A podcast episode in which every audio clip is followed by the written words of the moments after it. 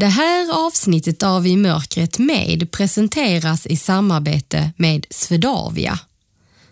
Du hittar textade avsnitt på vår hemsida i mörkretmed.se och det är tack vare vår nya samarbetspartner, företaget Svensk skrivtolkning.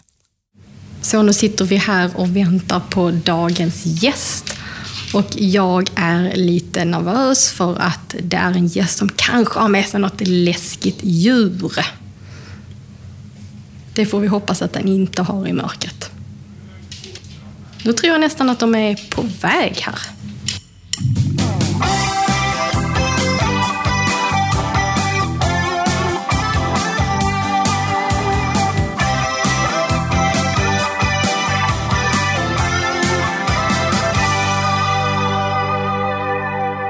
Välkommen till I mörkret med, podden som spelas in i totalt mörker.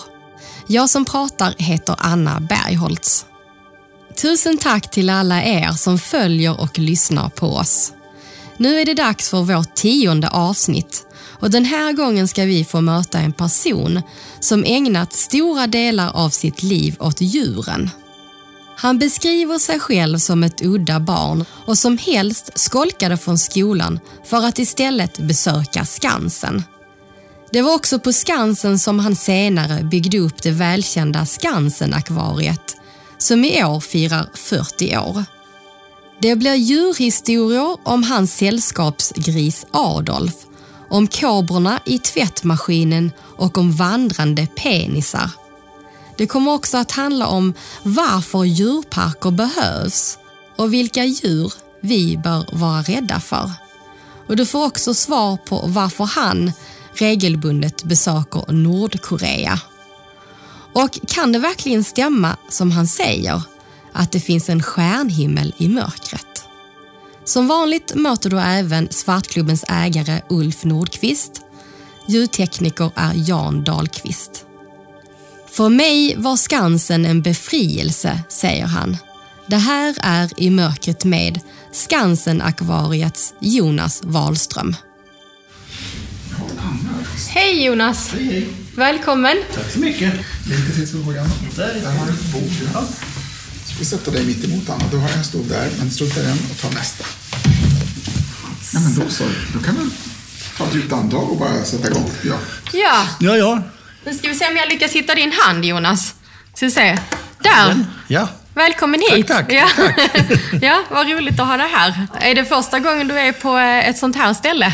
Ja, det, jo, det får man väl säga. Jobbat svart har jag gjort i min ungdom, men jag har aldrig varit på en svartklubb. Jobbat svart har du gjort, ja. Jag har ju följt dig sedan jag var liten. Jaha. På TV. Barnprogram var det tror jag då. Jag är född 1977. Ja, det kan ja. stämma va? Ja, jo, det var en lämplig ålder då för Jonas Ark och vad det hette på den tiden. Så var det. Jag tänkte att vi skulle börja med att du faktiskt får berätta om dig själv. ja, jag föddes på Östermalm 1952. Eh, flyttade därifrån när jag var väl 19 år till Söder. Och sen dess betraktade mina föräldrar mig som missionär. Eh, jag eh, kan man väl säga växte upp på Skansen. Därför att jag var väldigt, väldigt intresserad av djur när jag var liten. Och varför, det vet jag inte riktigt, men mina första minnen av just djur, det var att kajerna på den tiden, de rastade på Engelbrektskyrkan på väg till Humlegården. Och vi hade ju då fönster mot Engelbrektskyrkan. Så att jag vägrade att gå och lägga mig förrän jag hade suttit och tittat på de här kajerna. Det kommer jag väl ihåg, det var väl tre år eller något. Sen fick jag ett årskort till Skansen av min mormor när jag var åtta år. Och då började jag skolka från skolan då i andra klass och sprang på Skansen istället. Och på den tiden så kunde ju en åttaåring cykla mellan Rådmansgatan och Skansen utan större problem. Och lite mindre trafik. Det var väldigt mycket mindre trafik. ja. Så att jag höll till där till mina föräldrars förskräckelse kan jag säga. Och lärde känna de gamla djurvårdarlegenderna då. Blev mer eller mindre adopterad av en som heter Ljugarludde, Tore Glemmefors. Och och växte upp då som jag sa som hjälpredare både till honom och Svenne Svabben och Törsten och Ackel och allt vad de hette. Du måste ha känt dig hemma på Skansen ganska fort. Ja, det gjorde jag. Jag trivdes inte alls i skolan. Har man ett sånt här udda intresse som jag hade så blir man ju lite, man känner sig inte med helt enkelt. Så att för mig var Skansen en befrielse. Om du skulle beskriva dina egenskaper, hur är du som person? Ja, du, det ska inte jag beskriva i så fall. Det ska min personal eller min familj göra snarare. Jag försöker vara snäll och inte såra och skada andra människor. Ja. kommer väldigt långt med vänlighet. Akvariet har ju flera hundratusen besökare om året. Och då är det ju en och annan som är ett ett mentalfall mer eller mindre som ska gapa och skrika och banka på rutor och sånt där. Och det blir ju ofta bråk i sådana situationer. Och när personalen ibland har svårt, när jag inte har upptäckt denna person, personalen håller på där och härjar så, så brukar jag gå fram och klappa dem på axeln och säga snälla du, behöver du någon hjälp? Du, vet, du stör de här djuren så väldigt som du håller på. Men du kan ju följa med mig och så kan du sätta oss här borta en stund och prata så kanske jag kan hämta en orm som du kan få klappa om. En ormjävel aldrig i livet! Och så springer de sin väg. Ja. Du, jag ska säga det att jag var faktiskt lite nervös inför att du skulle komma idag. Jaså? För att eh, jag vet ju att du ibland tar med dig djur. Ja, här skulle de nog rymma rätt lätt i Ja, mörkret. jag tänker det också. Men visst finns det väl djur som eh, gillar mörkret och... Eller? Ja, gilla mörker kanske är fel att säga, men det finns ju de som föredrar att vara vakna i mörker för att de är svårfångade för fiender och de har lättare att hitta byten. Ja, vilka djur är det då? Det är väldigt många. Det finns faktiskt en apa som är helt mörklevande, nattapor. Och det finns många halvapor, små bushbabies och liknande. Många pungdjur. Eh, Vi har nyligen fått in ett av världens minsta pungdjur. De är små som små möss, en liten pungflygekorre. De är fantastiskt söta och stora ögon för att kunna se så bra som möjligt i mörker. Men eh, fladdermöss, är de blinda? Nej, de är inte blinda, men de ser ganska dåligt. De behöver inte se så mycket för att de fungerar i mekolod. De använder ju det helt enkelt för att lokalisera vad som finns i närheten och byter som för det mesta insekter. Ja, jag trodde faktiskt att de var blinda. Nej.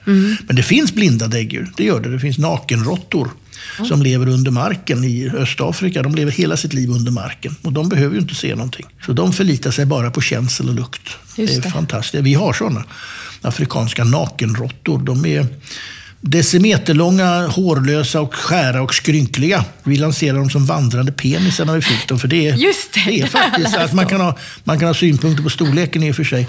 Men, men då, alltså det är fantastiska djur. Det är det enda djur egentligen som lever som insekter i form av familjebildning. Det finns alltså en födande drottning, det finns arbetarråttor och soldatråttor. Hur togs det emot när ni lanserade det som vandrande penisar? Ja, det var en jättesuccé. Jag sa en gång att varenda bög i Stockholm var där och tittade och fick skäll för det, men det var inget skämt, det var ett faktum. Ah. Gaytidningen QX gjorde reportage om dem till exempel. Men du, om vi hoppar tillbaks till eh, dina egenskaper. Du sa att eh, det är viktigt att vara vänlig och snäll och så. Jag har läst en artikel om, eh, om din dotter där hon säger att du brukar säga att allting går. Ja, ingenting är omöjligt. Alltså ett, ett nej för mig, det är bara ett långsamt ja. Hur menar du då? Ja, det, brukar, det brukar gå till slut. Om man är lite envis och lite enveten och lite full i fan. Det har ju du varit ett bevis på att bygga upp hela Skansen-akvariet. Det måste ju ha varit en utmaning från början, eller? Ja, ja, det var ju... Det gamla aphuset stod tomt då i mitten av 70-talet och Skansen hade inte råd att riva det. Så jag gick då till Nils-Erik Bären som var chef för Skansen och frågade om inte jag kunde få hyra det över en sommar och göra en provisorisk terrarieutställning, alltså med reptiler, ormar och ödlor, sköldpaddor och krokodiler. Och eh, ta entré och betala hyra naturligtvis, vilket innebar att Skansen skulle ju få in pengar och kunna riva huset. Och det började sommaren 74 och det blev alltså en jättesuccé. Skansen tyckte det var utmärkt att få in en massa pengar för ett gammalt hus. Och jag tjänar ju naturligtvis pengar på det. Så det blev förlängt ett år i taget i fyra somrar. Och sen så blev det planer på att Skansen skulle ha ett akvarium. Men kommunen som då var huvudägare, de ville inte ge några pengar.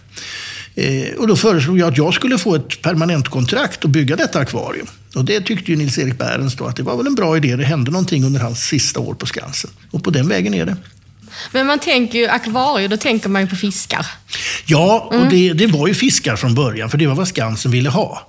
Jag var inte så där väldigt förtjust i att göra just akvarium. Men jag smög in en terrariedel med reptiler och även små dvärgsilkesapor som jag hade fått fatt i året innan. Och sen har det utvecklats till att bli ett, ett avelscenter för mindre regnskogsdjur. Så att eh, det är mera monkey business än vad det är akvarium idag. Mer monkey business. Vad menar du med det? Ja, Att det är det- mycket apor, eller? ja, Ja. monkey business det är ett amerikanskt slanguttryck för, för skumma affärer. Så när man är utomlands och säger vad sysslar du med? I'm in monkey business. Då blir folk väldigt förundrade. Eller att de förstår vad det handlar om. Min mailadress är monkey business till exempel. Ah, okej. Tycker många i utlandet Ja. att det verkar skumt det här.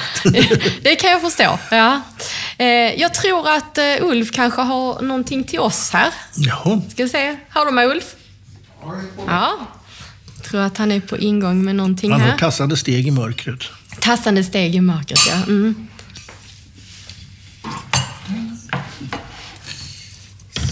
Jonas, då får du ett glas.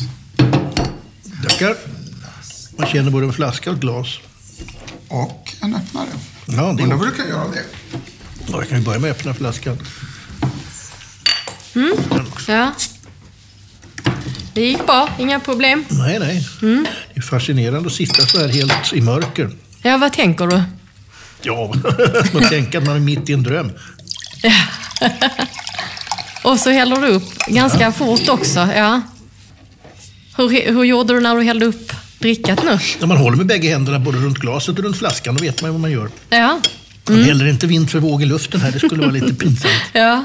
Ja, Det finns ett trick att man stoppar ner fingret också i eh, glaset. Ja. För att känna hur mycket vätska som eh, kommer i. Jaha, ja, nej, det gjorde jag inte. Jag bara hällde upp en skvätt. Ja, Jag är inte så mycket för det tricket själv faktiskt, utan jag tycker det är lite jobbigt när man ska hälla varm dricka.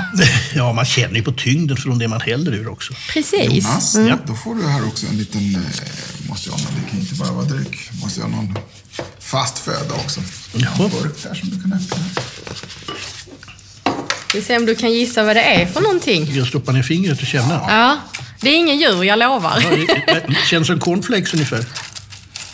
Fast lite tjockare. Nej, banan. Ja, De där bananflingor. bananchips eller Kommer här eller vad man kallar det. det. inte behöver öppna då, som du kan ha. Då får, då får jag ta, ge den i handen där. En liten strut med något i. vara? Det är väl någon torkad frukt av något slag. Ja, Vad känner jag? Är det en fikon? det... Nej. Det är lite exotiskt, för jag tänkte det passar idag. Jaha, det är någonting som är... Ja, frukt är det ju. och Ja. Torkat är det. Det är mango eller något sånt där. Bra! Mango. Bra gissat. Det hade jag nog inte kunnat gissa, faktiskt, som är van vid att äta utan att se vad jag äter. Mm, vad gott. ja, nej, men varsågod ta för den. Nu ska jag se, jag ska öppna min dricka med. Hade du öppnaren där? Mm, jo, den har jag lagt här någonstans. Nu. Nej. Ska vi se. Nu ska vi se. Eh, oj, det här är alltid lite svårt. Där! Där. Tack! Mm. Vad bra. Jag tyckte det var passande med, med bananerna här. Det går åt en hel del bananer, kan jag tänka mig, både på Skansen och hemma hos dig också, för du har ju, vad jag förstått, apor hemma också. Ja, lemurer har jag på landet. Är det en sorts apa? Ja, det är en halvapa från Madagaskar. Madagaskar skilde sig från Afrika för ett antal miljoner år sedan och de, de apor så att säga, som utvecklades då på Madagaskar de blev inte riktigt, kom inte riktigt lika långt i utvecklingen som de i Afrika. Så de ser lite mer, ser ut som en korsning mellan en katt och en apa ungefär. Fast det är då halvapor. Väldigt snälla. Snälla och lite korkade. Vi har dem ju helt och hållet lösa på landet under sommaren. Hur går det då? Jo, det går alldeles utmärkt. Den första tiden som de var ute då tog de sina utflykter runt omkring flera hundra meter bort från husen. Och då passerade de med grannarna, ofta på kvällen, på deras veranda. Så jag tror alla våra grannar blev helnykterister första tiden vi hade lemurer ute. Där de såg dem då mitt i natten travandes. så det var ganska roligt. Annars håller de sig alltid bara högst några hundra meter från husen. Får man ha lemurer Nej. hemma så? Nej, man får, i Sverige får du inte ha några apor överhuvudtaget som privatperson. Det är bara djurparker som får. Och rovdjur får man inte ha heller. Med tre undantag. Nämligen hund, katt och tamiller. Men om man har då en gård som jag har och eh, låter det vara ett avelscenter för Skansenakvariet. Då är det så att säga djurparkstillstånd som gäller. Eh, många undrar nog varför vi ska ha djurparker. Jo, därför att om vi inte hade haft djurparker så hade väldigt många djur inte funnits idag. Praktexemplet är ju Vicenter som var utrotade i naturen då efter, både, både efter första och andra världskriget. Första världskriget försvann den, fanns kvar i djurparker, man släppte ut en del och sen så kom andra världskriget och då utrotades de igen, men de fanns kvar i djurparker. Så att de hade inte funnits i det vilda. Där det idag finns någonstans mellan jag tror det är 4-5 tusen Vicenter. Som alla härstammar från djurparker. Vad är en vicent? Det är en amerikansk, eller europeisk bisonoxe. Jag kan tänka mig att många eh, tycker att man ska inte ha djur i fångenskap. Och... Nej, alltså det är ju riktigt så tillvida att många säger nej usch, jag tycker inte om djurparker. Och när var du på en djurpark? Ja, du, och det var när jag var ung och det var hemskt och så vidare. Och då kan man ju säga så att gå tillbaka 40 år, mm. då var ju djurparker i stort sett bara mm, nöjesfält. Man köpte djur av djurhandlare som hade fångat dem i djungeln och när de dog köpte man nya djur. Det fanns väldigt lite tänkande på hur, varför man hade dem. Men nu har det ju svängt om totalt. Det finns inga djurhandlare längre. Det tas inga djur från naturen. Om det inte är en direkt räddningsaktion. Utan alla djur föds upp i djurparker och man byter djur med varandra. Det finns stamböcker för världs, Världsstamböcker för många arter. Och djurparkerna idag planterar ut djur. Och det vet folk inte. Men i dagens läge så går man då normalt på djurparker i tre omgångar av sitt liv. Man går som barn, och så går man med sina barn och så går man med sina barnbarn. Och däremellan är det ofta 15-20 år. Och det händer oerhört mycket i djurparksvärlden under den här tiden som, som folk inte uppmärksammar. Men hur, eh, hur ser djurparkerna ut över världen? För att jag kan tänka mig att det ser lite olika ut. Ute i världen kan det vara hemskt på vissa håll. Alltså jag säger så här, man brukar säga att det finns 10 000 djurparker runt om i världen. Och det, det kanske stämmer. Och då skulle jag säga, stäng åtminstone 9 000 av dem så fort som möjligt. För där är det fortfarande menagerier och geschäft. Titta bara i Phuket där tiotusentals svenskar åker. Det finns en förskräcklig zoopark där, Phuket Zoo. Där man kan sätta sig bredvid neddroggade tigrar och ta bild av sig själv. Då för, som man naturligtvis måste betala för. En elefant eh, tvingas ner och så ett litet barn upp på elefanten. Så ska den stå upp, så kan man ta bilder och så ska elefanten ner igen. Nästa barn ska upp. Det är förskräckligt. Ja. Det är för vidrigt. Hur ser en, en vanlig dag ut för dig på Skansen? Jag eh, vaknar på morgonen efter aldrig frukost, åker till Skansen och pysslar. Och eh, allt fungerar. Och då är det så att personalen alltid varit mitt största problem. Därför de slutar aldrig, jag blir aldrig av med dem. ja. Redan före lunch börjar de antyda att jag ska, kan inte du åka till landet så tar vi hand om det här. Och då är det väldigt frustrerande att veta att när jag åker därifrån så fungerar det ofta lite bättre än om jag håller mig kvar. Varför det då? Ja, det är därför att det fungerar väldigt bra. Mm. Vi har en väldigt bra, stabil personal som ja. Ja, de första, eller åtminstone tre stycken har varit med nästan från början och det är faktiskt 40 år i år. Men hur har du fått dit alla djuren?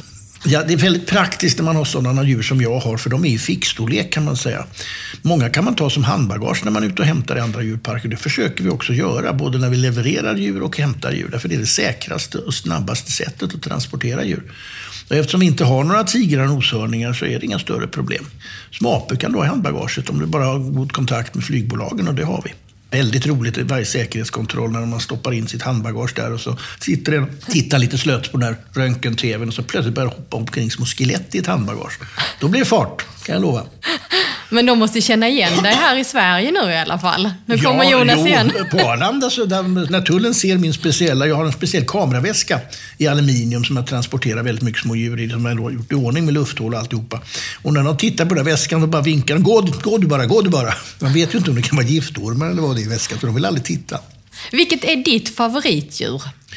Jag skulle säga att det är antingen lemurerna som vi har på landet som är väldigt, väldigt trevliga. Det enda är att man måste ha dörrarna stängda och myggnät för fönstren, för annars har man alla lemurer inomhus. Och, och då, är, då är det väldigt nära till skilsmässa när man hör sin hustru vråla ner från köket. Apjävlarna är här igen! Och så har de liksom vält ner diverse krukor och det är kastruller och hoppar runt där nere. Hon är fullständigt galen.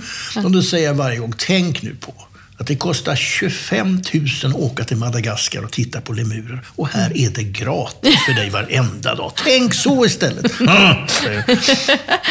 och jag läste en historia om att din fru hade hittat kobror i er tvättmaskin.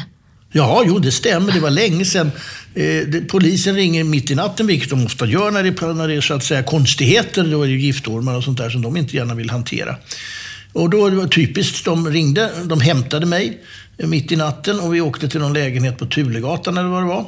Och eh, där fanns det några kobror som tydligen hade dels bitit ägaren och dessutom kröp runt i lägenheten. Och det typiska är då att polisen, gå, gå in där uppe du, det är tredje våningen. Vi, vi, vi, står här nere och väntar. Gå på bara, gå på bara. Ja. Och så var vi in där och de hade redan burit ut den som var biten. Och sen så jag lyckades jag hitta två kobror och lyckades hitta något eh, örngott eller vad det var, knyta ihop som en påse. Och sen så tänkte jag, fasen jag ska inte behöva åka upp till akvariet mitt i natten. Utan jag tar hem dem. Det kan jag ha dem hemma över natten. Det är inte hela världen. Och när jag väl kom hem så tänkte jag, jaha, när du lägger påsen någonstans så kan jag ge mig fan på att något av mina barn först vaknar och undrar vad är det här för påse. Och de kobror kan ju gärna bita genom tyg. Men jag tänkte, men tvättmaskinen, det är ju perfekt. Inneslutet som ett terrarium och, och luften räcker. Så jag la in påsen i tvättmaskinen. Och för en gångs skull, vilket aldrig normalt händer, så vaknar Kristina före mig. Och för en gångs skull, vilket normalt aldrig händer, fick hon för sig att tvätta. Så hon öppnade ju den där. Oh. Och den där kobran hade krypit ur påsen. Den var väl lite dåligt eh, ihopknutet. Så att när hon öppnade dörren så får ut en kobra. Oh. Och jag kan garantera att ingen har hoppat högre i ett badrum än vad min hustru gjorde. Ingen har heller kommit fortare ut ur ett badrum. Oh. Och ingen kvinna har så tidigt på morgonen svurit så mycket ve och förbannelse över sin man som hon gjorde. Men hon blev inte biten? Nej, nej, det gick bra. Mm. De var ju ganska dålig kondition, de där stackars ormarna. De var väldigt misskötta och då, ja. är de inte så pigga.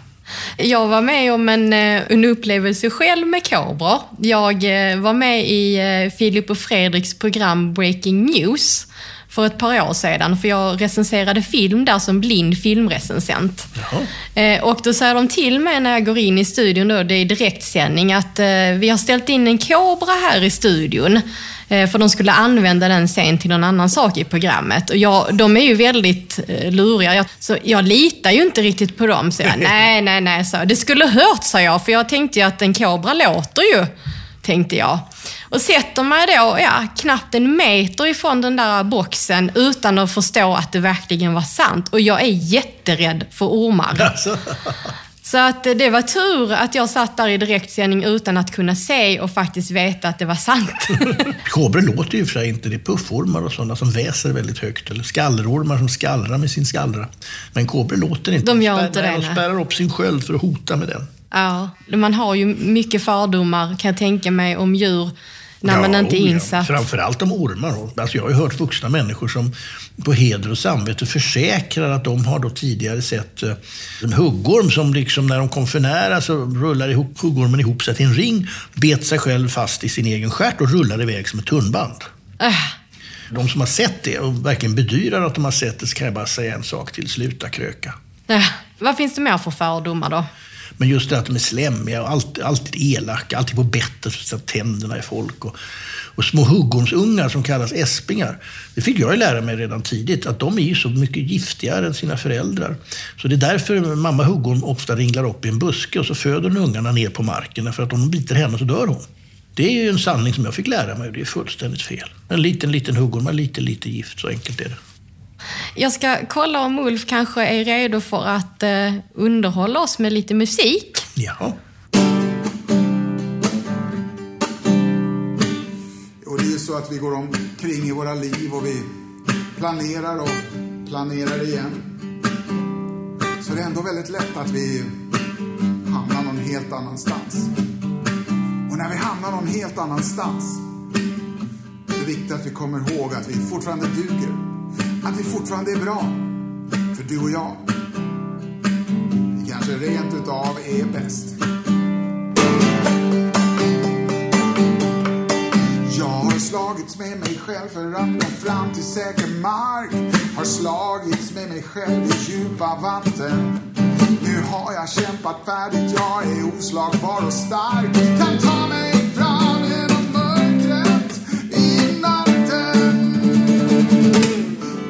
your heart.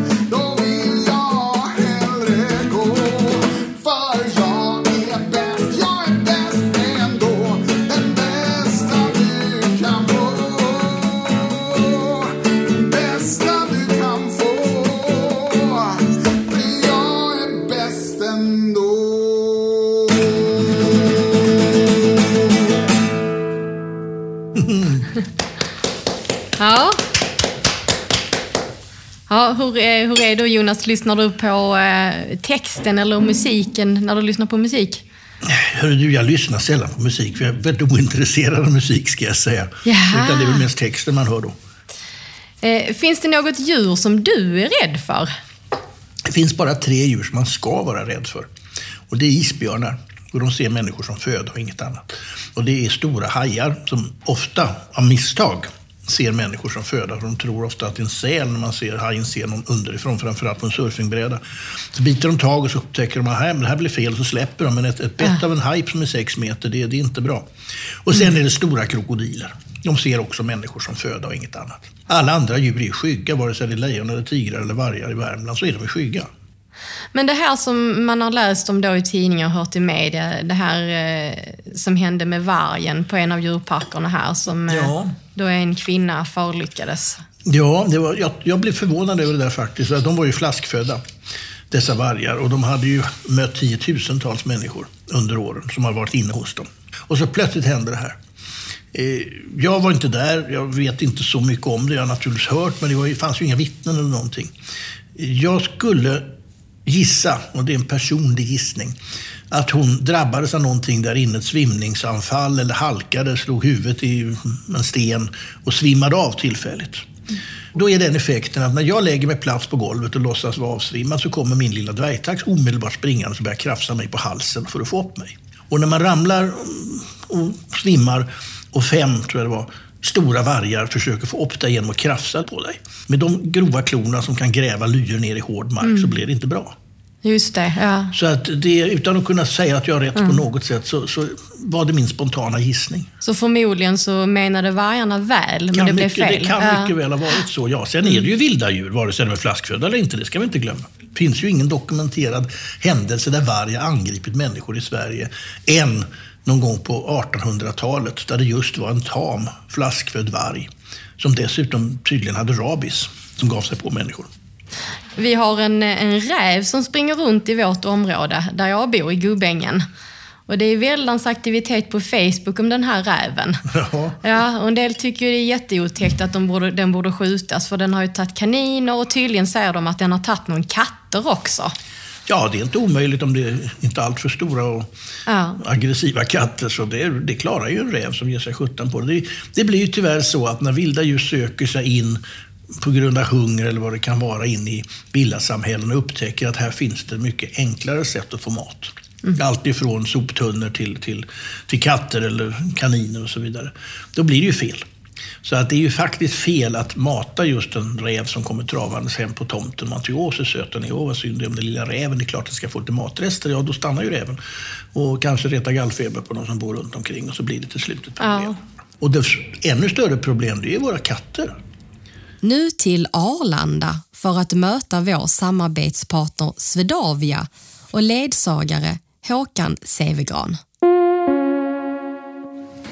Hur, eh, hur mycket ledsagar du på inrikes? För nu är vi ju på utrikes. Ja, nu är vi på utrikes. Nej, jag, jag eh, jobbar kan man säga varannan dag på inrikes och varannan dag på utrikes. Men Ja. vi får ju välja själva då. Så ibland är vi eh, här, ibland är vi där. Det är många som bara är på utrikessidan. Men man brukar hamna ändå på inrikes för det är mycket transfer. Och då kommer man till exempel från Bangkok och ska vidare till Göteborg eller någonting och då får vi gå över på inrikessidan också. Hur bra hittar du här då? Och nu efter två år så hittar jag ganska bra. Så nu har jag aktivt försökt hitta runt i de här gångarna som finns under oss och över oss. Och, och på det här viset så, så försöker man ju komma på de smartaste och snabbaste vägarna när man behöver förflytta sig snabbt. Både med och utan resenärer faktiskt. Är vi vid några gator nu eller? Ja, nu är vi ute på vad vi kallar F-piren då.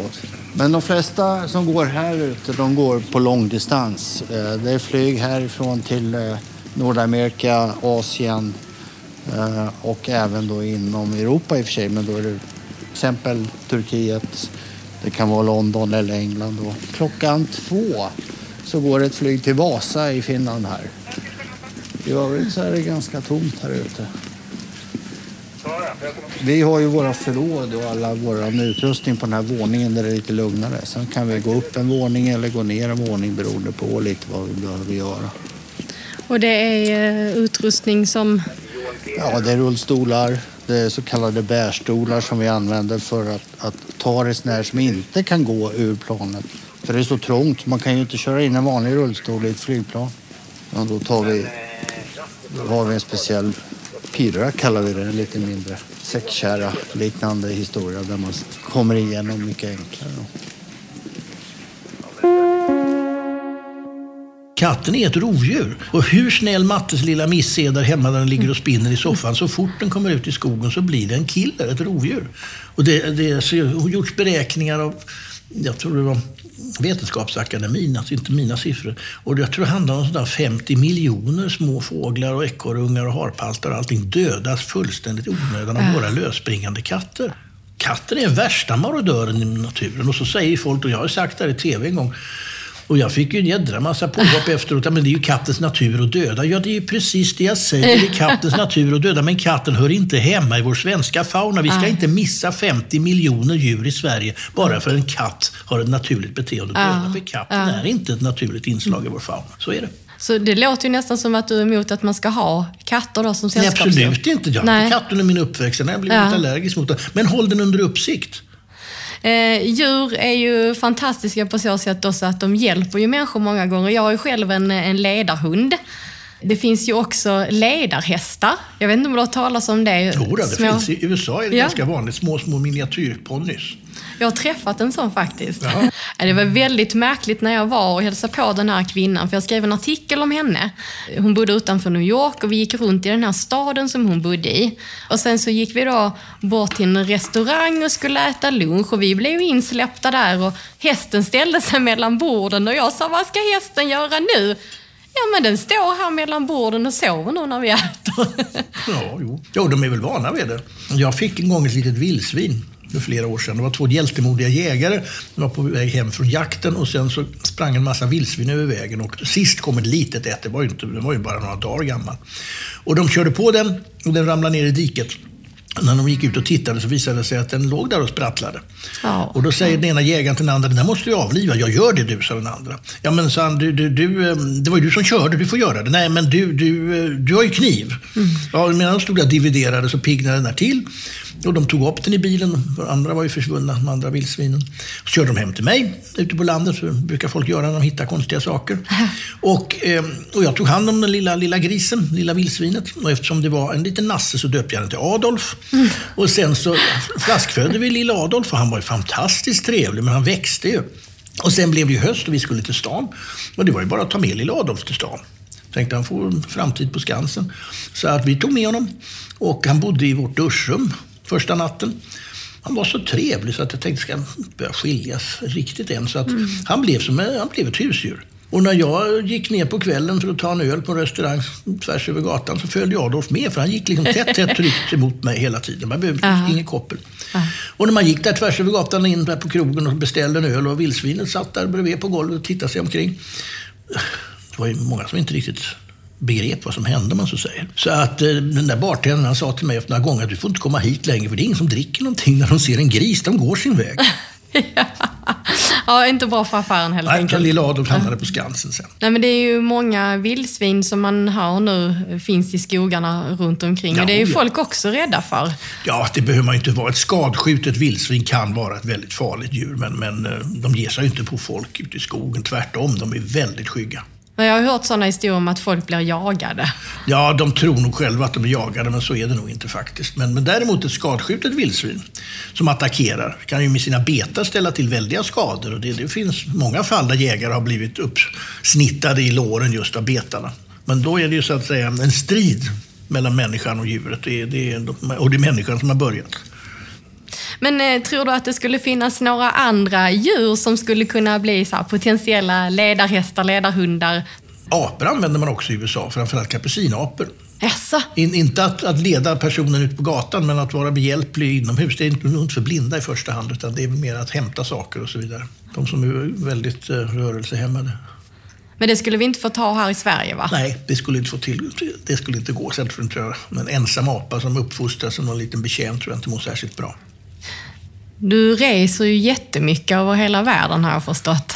Ja, djurparksvärlden är global. Det finns ju världsdjurparksvärldsorganisationen Vasa som, som kan man säga representerar de, den seriösa delen av djurparksvärlden. Det är konferenser en gång om året. Eh, det blir mycket konferensresor. Och sen just i och med att vi försöker ta hem våra små djur som handbagage. Och det är alltid någon på akvariet när man frågar vid ett morgonmöte om har någon lust att åka till Hongkong över helgen eller till New York över helgen. Så är det alltid någon som har lust att göra det. Och alla djurparker har gästrum. Men de här silkesaporna från början, hur, hur kom de hit?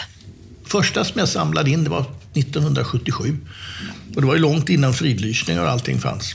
Och de var de första däggdjuren då på Skansen-akvariet. Och sen har jag haft möjlighet att samla in flera de närmsta åren där. Och sen har vi försett världens djurparker med dvärgsilkesapor. Så Sverige är världens största exportör av världens minsta apa. Hur liten är den? Den är som en guldhamster ungefär. Ja. Plus svansen. Så att jag tror jag har passerat 400 stycken som har gått ut över hela världen.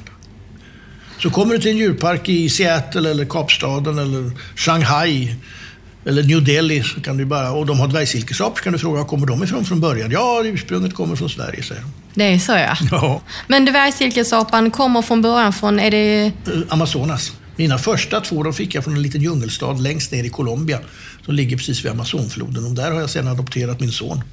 Jag var där nere med min dåvarande fästmö och hon blev väldigt sjuk och blev tvungen att ligga på ett litet djungelsjukhus där nere i ett par veckor. Och då tyckte ju alla så synd om gringon, vars gringofru låg på sjukhus, för det var en liten tynande stad på den tiden.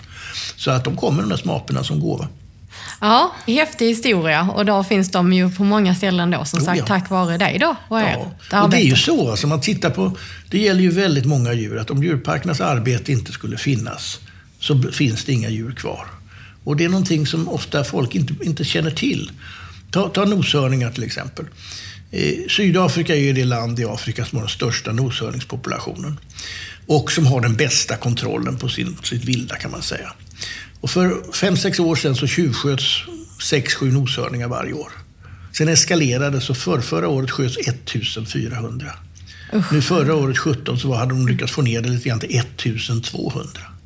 Och varför är det så... Därför hornet Mycket- anses vara medicinskt väldigt bra i Vietnam och Kina. Och värdet är alltså mer än rent guld. Och då har man väldigt svårt att kontrollera detta. När så att säga fattiga människor kan få en årslön för att antingen som viltvårdare titta åt ett annat håll just den natten eller som tjuvjägare lyckas smyga in där. Och det är stora områden de finns på också, så det är inte lätt att hålla koll. Och det går alltså stadigt neråt. Och då är det faktiskt så att djurparkerna har en väldigt, väldigt stor roll att bevara noshörningar. Bevara tigrar som det håller på att gå åt samma håll med. Lejonen går ju spikrakt ner runt om i Afrika nu. Det är väldigt många arter som, som är, kommer på sikt att bli väldigt, väldigt hotade. Och då är det djurparkerna som gäller. Eller naturligtvis skyddade reservat i den mån det går att skydda, men det är inte lätt. Jag, jag var i Zimbabwe för ett par veckor sedan i en väldigt stor nationalpark där man har man har haft problem med, med tjuvskytte på elefanter, men det har man tydligen kommit rätt så långt med att bekämpa. Men de sa ju för 35 år sedan hade de 400 noshörningar i den parken. Hur många har de idag tror du? Ja, de inga alls kanske Nej, eller? det är ingen alls. Nej. Ingen kvar. Eh, Men du har ju rest en hel del också till Nordkorea. Berätta, varför har du gjort det? Det var faktiskt Nordkoreanska ambassaden som uppvaktade mig 1985. Sverige var ju första västland som erkände Nordkorea och öppnade en ambassad och trodde man skulle göra lysande affärer, vilket det kanske inte blev så mycket av. De ville ha hjälp av någon, för de har ju inga kontakter med omvärlden. Eh, de ville ha hjälp och eh, med, med veterinär expertis, mediciner och liknande och framförallt eh, att jag skulle studera ritningar på djuranläggningar. Och jag sa att visst, visst kan jag göra det. Och de bjöd in mig och jag åkte dit och jag har varit nu 25 gånger i Nordkorea. Det är ungefär en gång om året. Jag är nog en av de, eller kanske den enda västerlänning som åker ut och in i Nordkorea när jag själv vill utan att vara diplomat. Och det har varit ett, ja, fantastisk upplevelse ska jag säga. Fantastiskt, jag vet inte om det är fel eller rätt ord, men det har alltså varit opolitiskt. Jag har fullständigt hållit mig ifrån alla kommentarer om regimen och allt det där. Utan det har bara varit djur, djurparkssamarbete. Du är där för att se till så att eh, djuren ska få det bra? Ja, de har lyckats bra. Alltså, de byggde om hela djurparken totalt här för några år sedan. Så numera är det inga burar kvar längre, eller björngropar, utan det är stora anläggningar. Så för att ligga i Fjärran Östern ska jag säga att det är en bra djurpark idag. Det är det, ja. Ja, ja de har ändrat väldigt, väldigt mycket. Pyongyang idag, huvudstaden, det är ju som att komma till Paris. Det är ju skyskrapor och det är neonreklam och det är numera till och med bilköer i stan. Det existerar inte. För 20 år sedan såg man ju en bil var femte minut på sin höjd. Pyongyang utstrålar rikedom. Massor av restauranger. Det fanns nästan ingen för 20 år sedan. Så att huvudstaden som man visar upp, det är ju ett välmående klick i hela landet. Landsbygden är oerhört fattig. Kommer man någon mil utanför Pyongyang så är det stora hål i vägarna. Man kan knappt köra bil förbi och det, det förfaller allting. Men hur eh, tas du emot som västerlänning? Ja, eftersom ju det är faktiskt några från djurparken där nere i Pyongyang är samma sedan 25 år tillbaka. Så att jag, jag betraktas som en vän. Och det får man ju säga att jag är till djurparken. Men sen är det ju, det är ju världens största Knutby. Det, det är ju en, en sekt med totalt hjärntvättade människor som håller sig helt isolerad från omvärlden. Men frågar inte de dig en massa frågor om hur det då funkar? Och... Lite grann, men de är så övertygade om att de har det bra. Och jag träffar inte folk ute på landsbygden, även om jag varit på landsbygden många gånger. Och sen är det ju ingen som talar något annat än koreanska. Utan man har ju hela tiden med sig någon värd från djurparken som tolk. Så det är väldigt svårt att prata fritt med folk. Ja, det är bara mina vänner i djurparken man kan prata fritt med. Och flera av dem har varit här i Sverige också. Som mina gäster. Men de är så oerhört indoktrinerade. Så att de tittar, tycker man varför har ni inga soldater på gatorna? Här är ju ingen ordning och reda. Och sen är det ju alltid man påpekar saker där nere. Att, men det här är väl ändå fel. Ja, det kanske inte riktigt bra, säger de efter mycket om en. Ja, men vad ska ledaren, varför gör inte ledaren någonting åt det? Jo, men vår ledare, han vet om det, han kommer att göra något åt det. Han kommer att göra något åt det. De försvarar? Ja, till varje pris. Nej, det är ett bisarrt samhälle. Mycket bisarrt. Men jag resonerar så här, när det var apartheid i Sydafrika så var Världsnaturfonden engagerad i en räddningsaktion där för olika djurreservat och man fick oerhört mycket kritik för det. Hade de inte varit där så hade en del djurarter varit utrotade. I norra Korea så finns det amurleoparder. Och de var de bekymrade för, för det fanns inte särskilt många. De hade ungefär 20 stycken. I Nordkorea förekommer naturligtvis ingen tjuvjakt. Folk har inga vapen, inga möjligheter. Kontrollen är väldigt bra på det sättet att man kan inte smyga ut och tjuvskjuta leoparder. Och de var bekymrade. Eh, var, det blev inga ungar. Och då säger man, har ni undersökt vad är det för djur? Ja, det är ju leoparder. Ja, men vad är det för kön? Ja, det visste de ju inte. Utmärkt, så ja, då ser vi till och, och, och eh, söver ner dem, kollar kön, kollar fysik. Och jag fick ju naturligtvis inte vara med om det där, för att de här två populationerna, de ligger på varsin sida av deras kärnvapenbas när de skickar upp raketer då och då. Så det är ju hemliga områden. Men jag hjälpte dem. Jag hjälpte dem till narkosmedel och alltihopa. Och sen så tog de ett antal av leoparderna på bägge sidor. Det visade sig att på ena sidan fanns det praktiskt taget bara hanar. Och på andra sidan praktiskt taget bara honor och en enstaka gammal hanne. Bra, då flyttar vi på dem. Så då flyttar vi fem över gränsen dit och fem över gränsen dit. Och det gjorde de. Och nu är det enda stället i världen där amurleoparder ökar. Från ja. de där 20-talet från början så är de över 50 idag.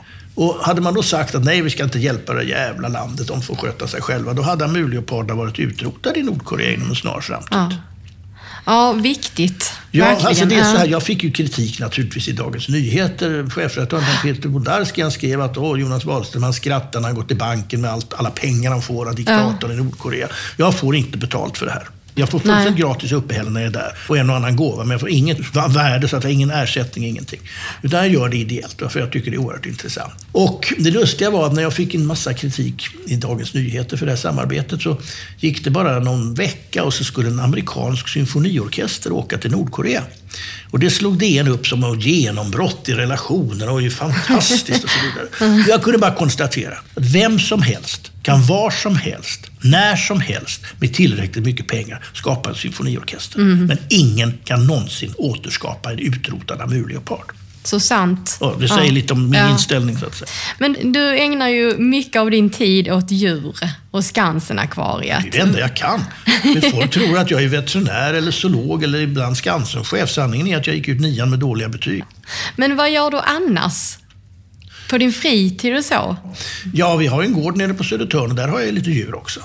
När jag var liten så läste man djurparkschefernas memoarer, alltså djurparkschefer i Danmark och Tyskland och överallt. Och de bodde alltid i sina djurparker. Det var väldigt vanligt att det fanns en direktörsvilla mitt i djurparken. Och, och det blev ju aldrig så att jag fick någon direktörsvilla i en djurpark, så jag fick ju bygga djurpark runt där jag bor istället. Ja, just det. Så Ja. på landet har vi lite alpackor och strutsar och höns och får och lemurer och papegojor. Och sådär lite av varje. Men vad gör du på din fritid då, förutom att ta hand om djuren och vara på landet? Då? Är det höst så plockar jag svamp. Helst på andra marker. Annans marker. Hehehe. Och sen så, ja på sommaren, vi, vi, vi har en egen strand och så vidare. Så man är ofta ute med båt i, i skärgården, Stockholms skärgård. Det är alldeles fantastisk. Och sen har du fru och två barn va? Ja, och två barnbarn. Ja, vad härligt. Då jag tänkte att vi skulle avsluta med lite, lite snabbfrågor till dig Jonas. Ja. Ska du ha korta svar eller ska du ha långa utsvävande Ja, det får vi svar? se vad det blir, men Ja, det är ja. tänkt att det ska vara hyfsat kort. Så kort, men jag kan Ja. lägga in att Skansnack varit öppet året om någon gång i alla fall. Absolut. Okej. Men snabbfrågorna. Ja. Te eller kaffe? Te? Dricker du inte kaffe? Nej, väldigt sällan. Irish coffee är gott, men det är det enda. Chips eller smågodis? Chips? Eh, teater eller konsert? Ja, får jag passa? Jag är inte intresserad av någondera egentligen. Min fru säger att eh, Jonas kan inte skilja Jokkmokks-Jocke från Beethoven och det stämmer. Hemmakväll eller utekväll? Ja, det beror på i vilket sällskap, men det blir nog oftast hemmakvällar. Hur ser de ut då? Ja, alltså min hustru och jag vi har varit gifta i snart 40 år. Och de flesta, eller väldigt många i alla fall, de brukar ha skilda sovrum efter många år. Det har inte vi, men vi har skilda vardagsrum. Skilda vardagsrum? Ja, det är väldigt praktiskt när man tittar på olika saker på TV till exempel. Det är väldigt praktiskt. Men, nej, men det blir en god middag och lite, man läser tidningar och man pratar och så ser man något på TV. Kristina brukar titta på kultur som är så fint. Jag brukar titta på Pang Pang. Lyssna på musik eller musicera själv? Ja, definitivt ingendera. Nej. Jag, jag visslar falskt, det enda. Stuga på landet eller globetrotter? Jag menar du resor? Ja. Ja, jag reser ju väldigt mycket. Alltså det, är, det blir några månader varje år som jag är utomlands. Minst. Men samtidigt så är jag ju väldigt mycket, framförallt på sommarhalvåret. Då bor vi ju helt och hållet ute på, på Lisö och även på alla helger. På vintrarna är vi ju där. Och för Ja. mig brukar helgen börja på torsdagen och sluta på måndag. Så det är egentligen lite både och då? Ja, TV-program då? Idol eller Debatt? debatt. Eh, kött eller vegetariskt? Kött. Med grönsaker, ja. Och då kan man ju tänka så här, du äter kött även om du jobbar med djur. Ja, det gör jag därför att människan är en allätare. Men däremot undviker jag ju kött från hönsfabriker eller, eller grisfabriker och så vidare. Utan vi äter väldigt mycket lamm och det föder vi upp själva på landet. Att umgås då med barn eller vuxna? Ja, du Skansnackvaret är väl ett av Stockholms större dagishem. Så det blir mycket barn om dagarna. Det blir Ja. det ju. Så det är väl lite svårt att svara. Det är så att jag är otroligt barnkär och hela tiden eh, vill träffa små barn och guida dem på akvariet. Det är, även om det är roligt ibland. Att träffa nya människor eller gamla vänner? Vad föredrar du? Ja, alltså det är svårt att svara på det. Visst är det roligt att träffa nya människor och framförallt på konferenser ute i världen. Man träffar ständigt nya människor. Men jag är ju ganska vänkär med de äldre vänner jag har. En av mina äldsta vänner heter Erland Wadsten och han började ett år före mig på Skansen och stannade på Skansen och blev pensionerad för två år sedan. Så vi eh, har ju mycket gemensamt, om man säger, efter hela den uppväxt vi hade tillsammans. Laga mat eller äta mat? Ja, äta. Jag är inte så bra på att laga mat. Jag kan koka hummer. Läsa eller skriva? Jag läser väldigt mycket. Och jag läser väldigt fort. Tid att läsa, det är på långflygningar. Då kan jag plöja tre böcker på en flygning till Sydafrika till exempel. Vad läser du för någonting då? Det, det kan variera i någon enstaka deckare, men annars är det memoarer, politiska memoarer tycker jag är intressant att läsa. Eh, sista snabbfrågan då. Japp. Tummen mitt i handen eller händig? Ja, det beror nog lite på. Alltså, jag är ganska händig när det gäller att snickra och fixa saker. Eh, att bygga saker, vi gör ju väldigt mycket konstgjorda miljöer, berg och klippor och så vidare på akvariet. Och där är jag gärna med. Eh, men jag har ju tummen i handen när det gäller datorer. Jag har aldrig Det- petat på en dator. Nej, jag tycker- förstod jag nästan tycker inte om det. datorer, jag vill inte hålla på med det. Så att det, det, andra gör det ju. Jag, får, jag har en hel bunt med mejl varje morgon på mitt skrivbord. Så antingen handskriver jag svaren, någon annan får skicka svaret eller också dikterar jag svaren. Så du använder inte alls dator? Nej. Då sitter de och fnissar när jag handskriver svaren som de ska skicka iväg sen. Och det bryr du dig inte om att de skrattar åt det? Nej, nej inte ett dugg. Eh, Vi brukar alltid låta folk skriva en liten autografsignatur i vår lilla gästbok här. Jaha, här i När vi- mörkret. Ja, Ja. precis. Mm. Så att jag ska hjälpa dig lite här så att du ska Ja, skriva behövas. på rätt sida till att börja med.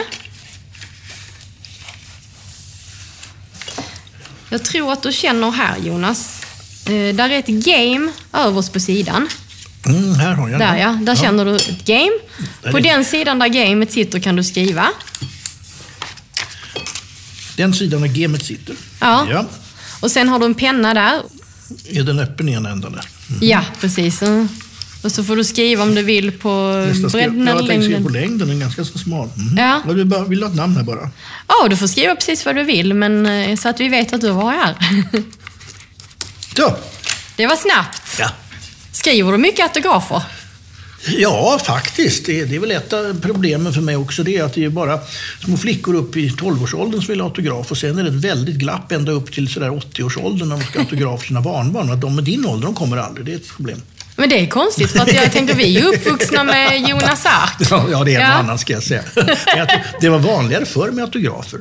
Det är, är inte så vanligt nu för tiden tycker jag. Nej, som sagt, allting är Nu ju det digitalt. Selfies. Ja, det är selfies. De ska ta bilder tillsammans med en titt och tätt. Det händer. Och det ska vi faktiskt ta här utanför sen också när vi är klara. Ja, här i det mörkret kanske de det inte är någon större idé att ta någon bild. Nej, är inte det tror jag. Men det här är alltså svartklubb som det heter. Ja. Här sitter man och äter om dagarna Ja, och det är ju Ulf som äger Ja, ja, jag Svartklubben kommer här. ihåg att om vi betalar något arvode vill jag ha det svart. Hehehe. Här ko- kommer ju då gästerna och, och äter och, och, och, ja, men, och, och får en konsert. Och det klarar man i mörkret så här. Ja, Man får ingen hjälp. nej.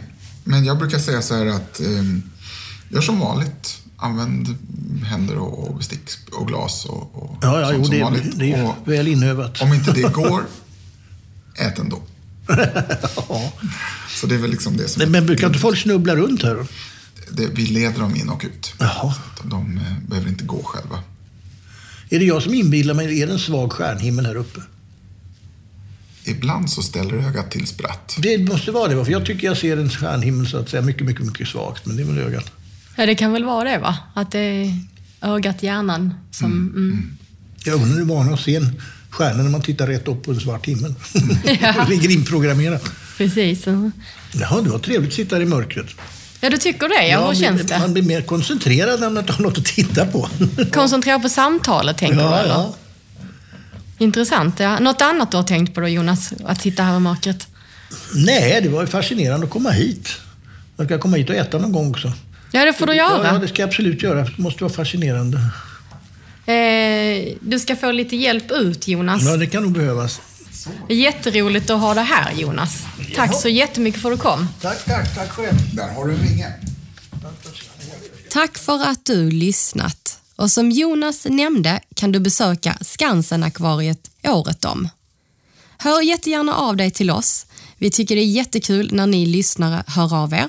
Vi har e-post, hej, snabela imorkretmed.se, hemsida imorkretmed.se och så har vi en Facebook-sida som ni gärna får gå in och gilla och följa. Vi hörs igen om två veckor.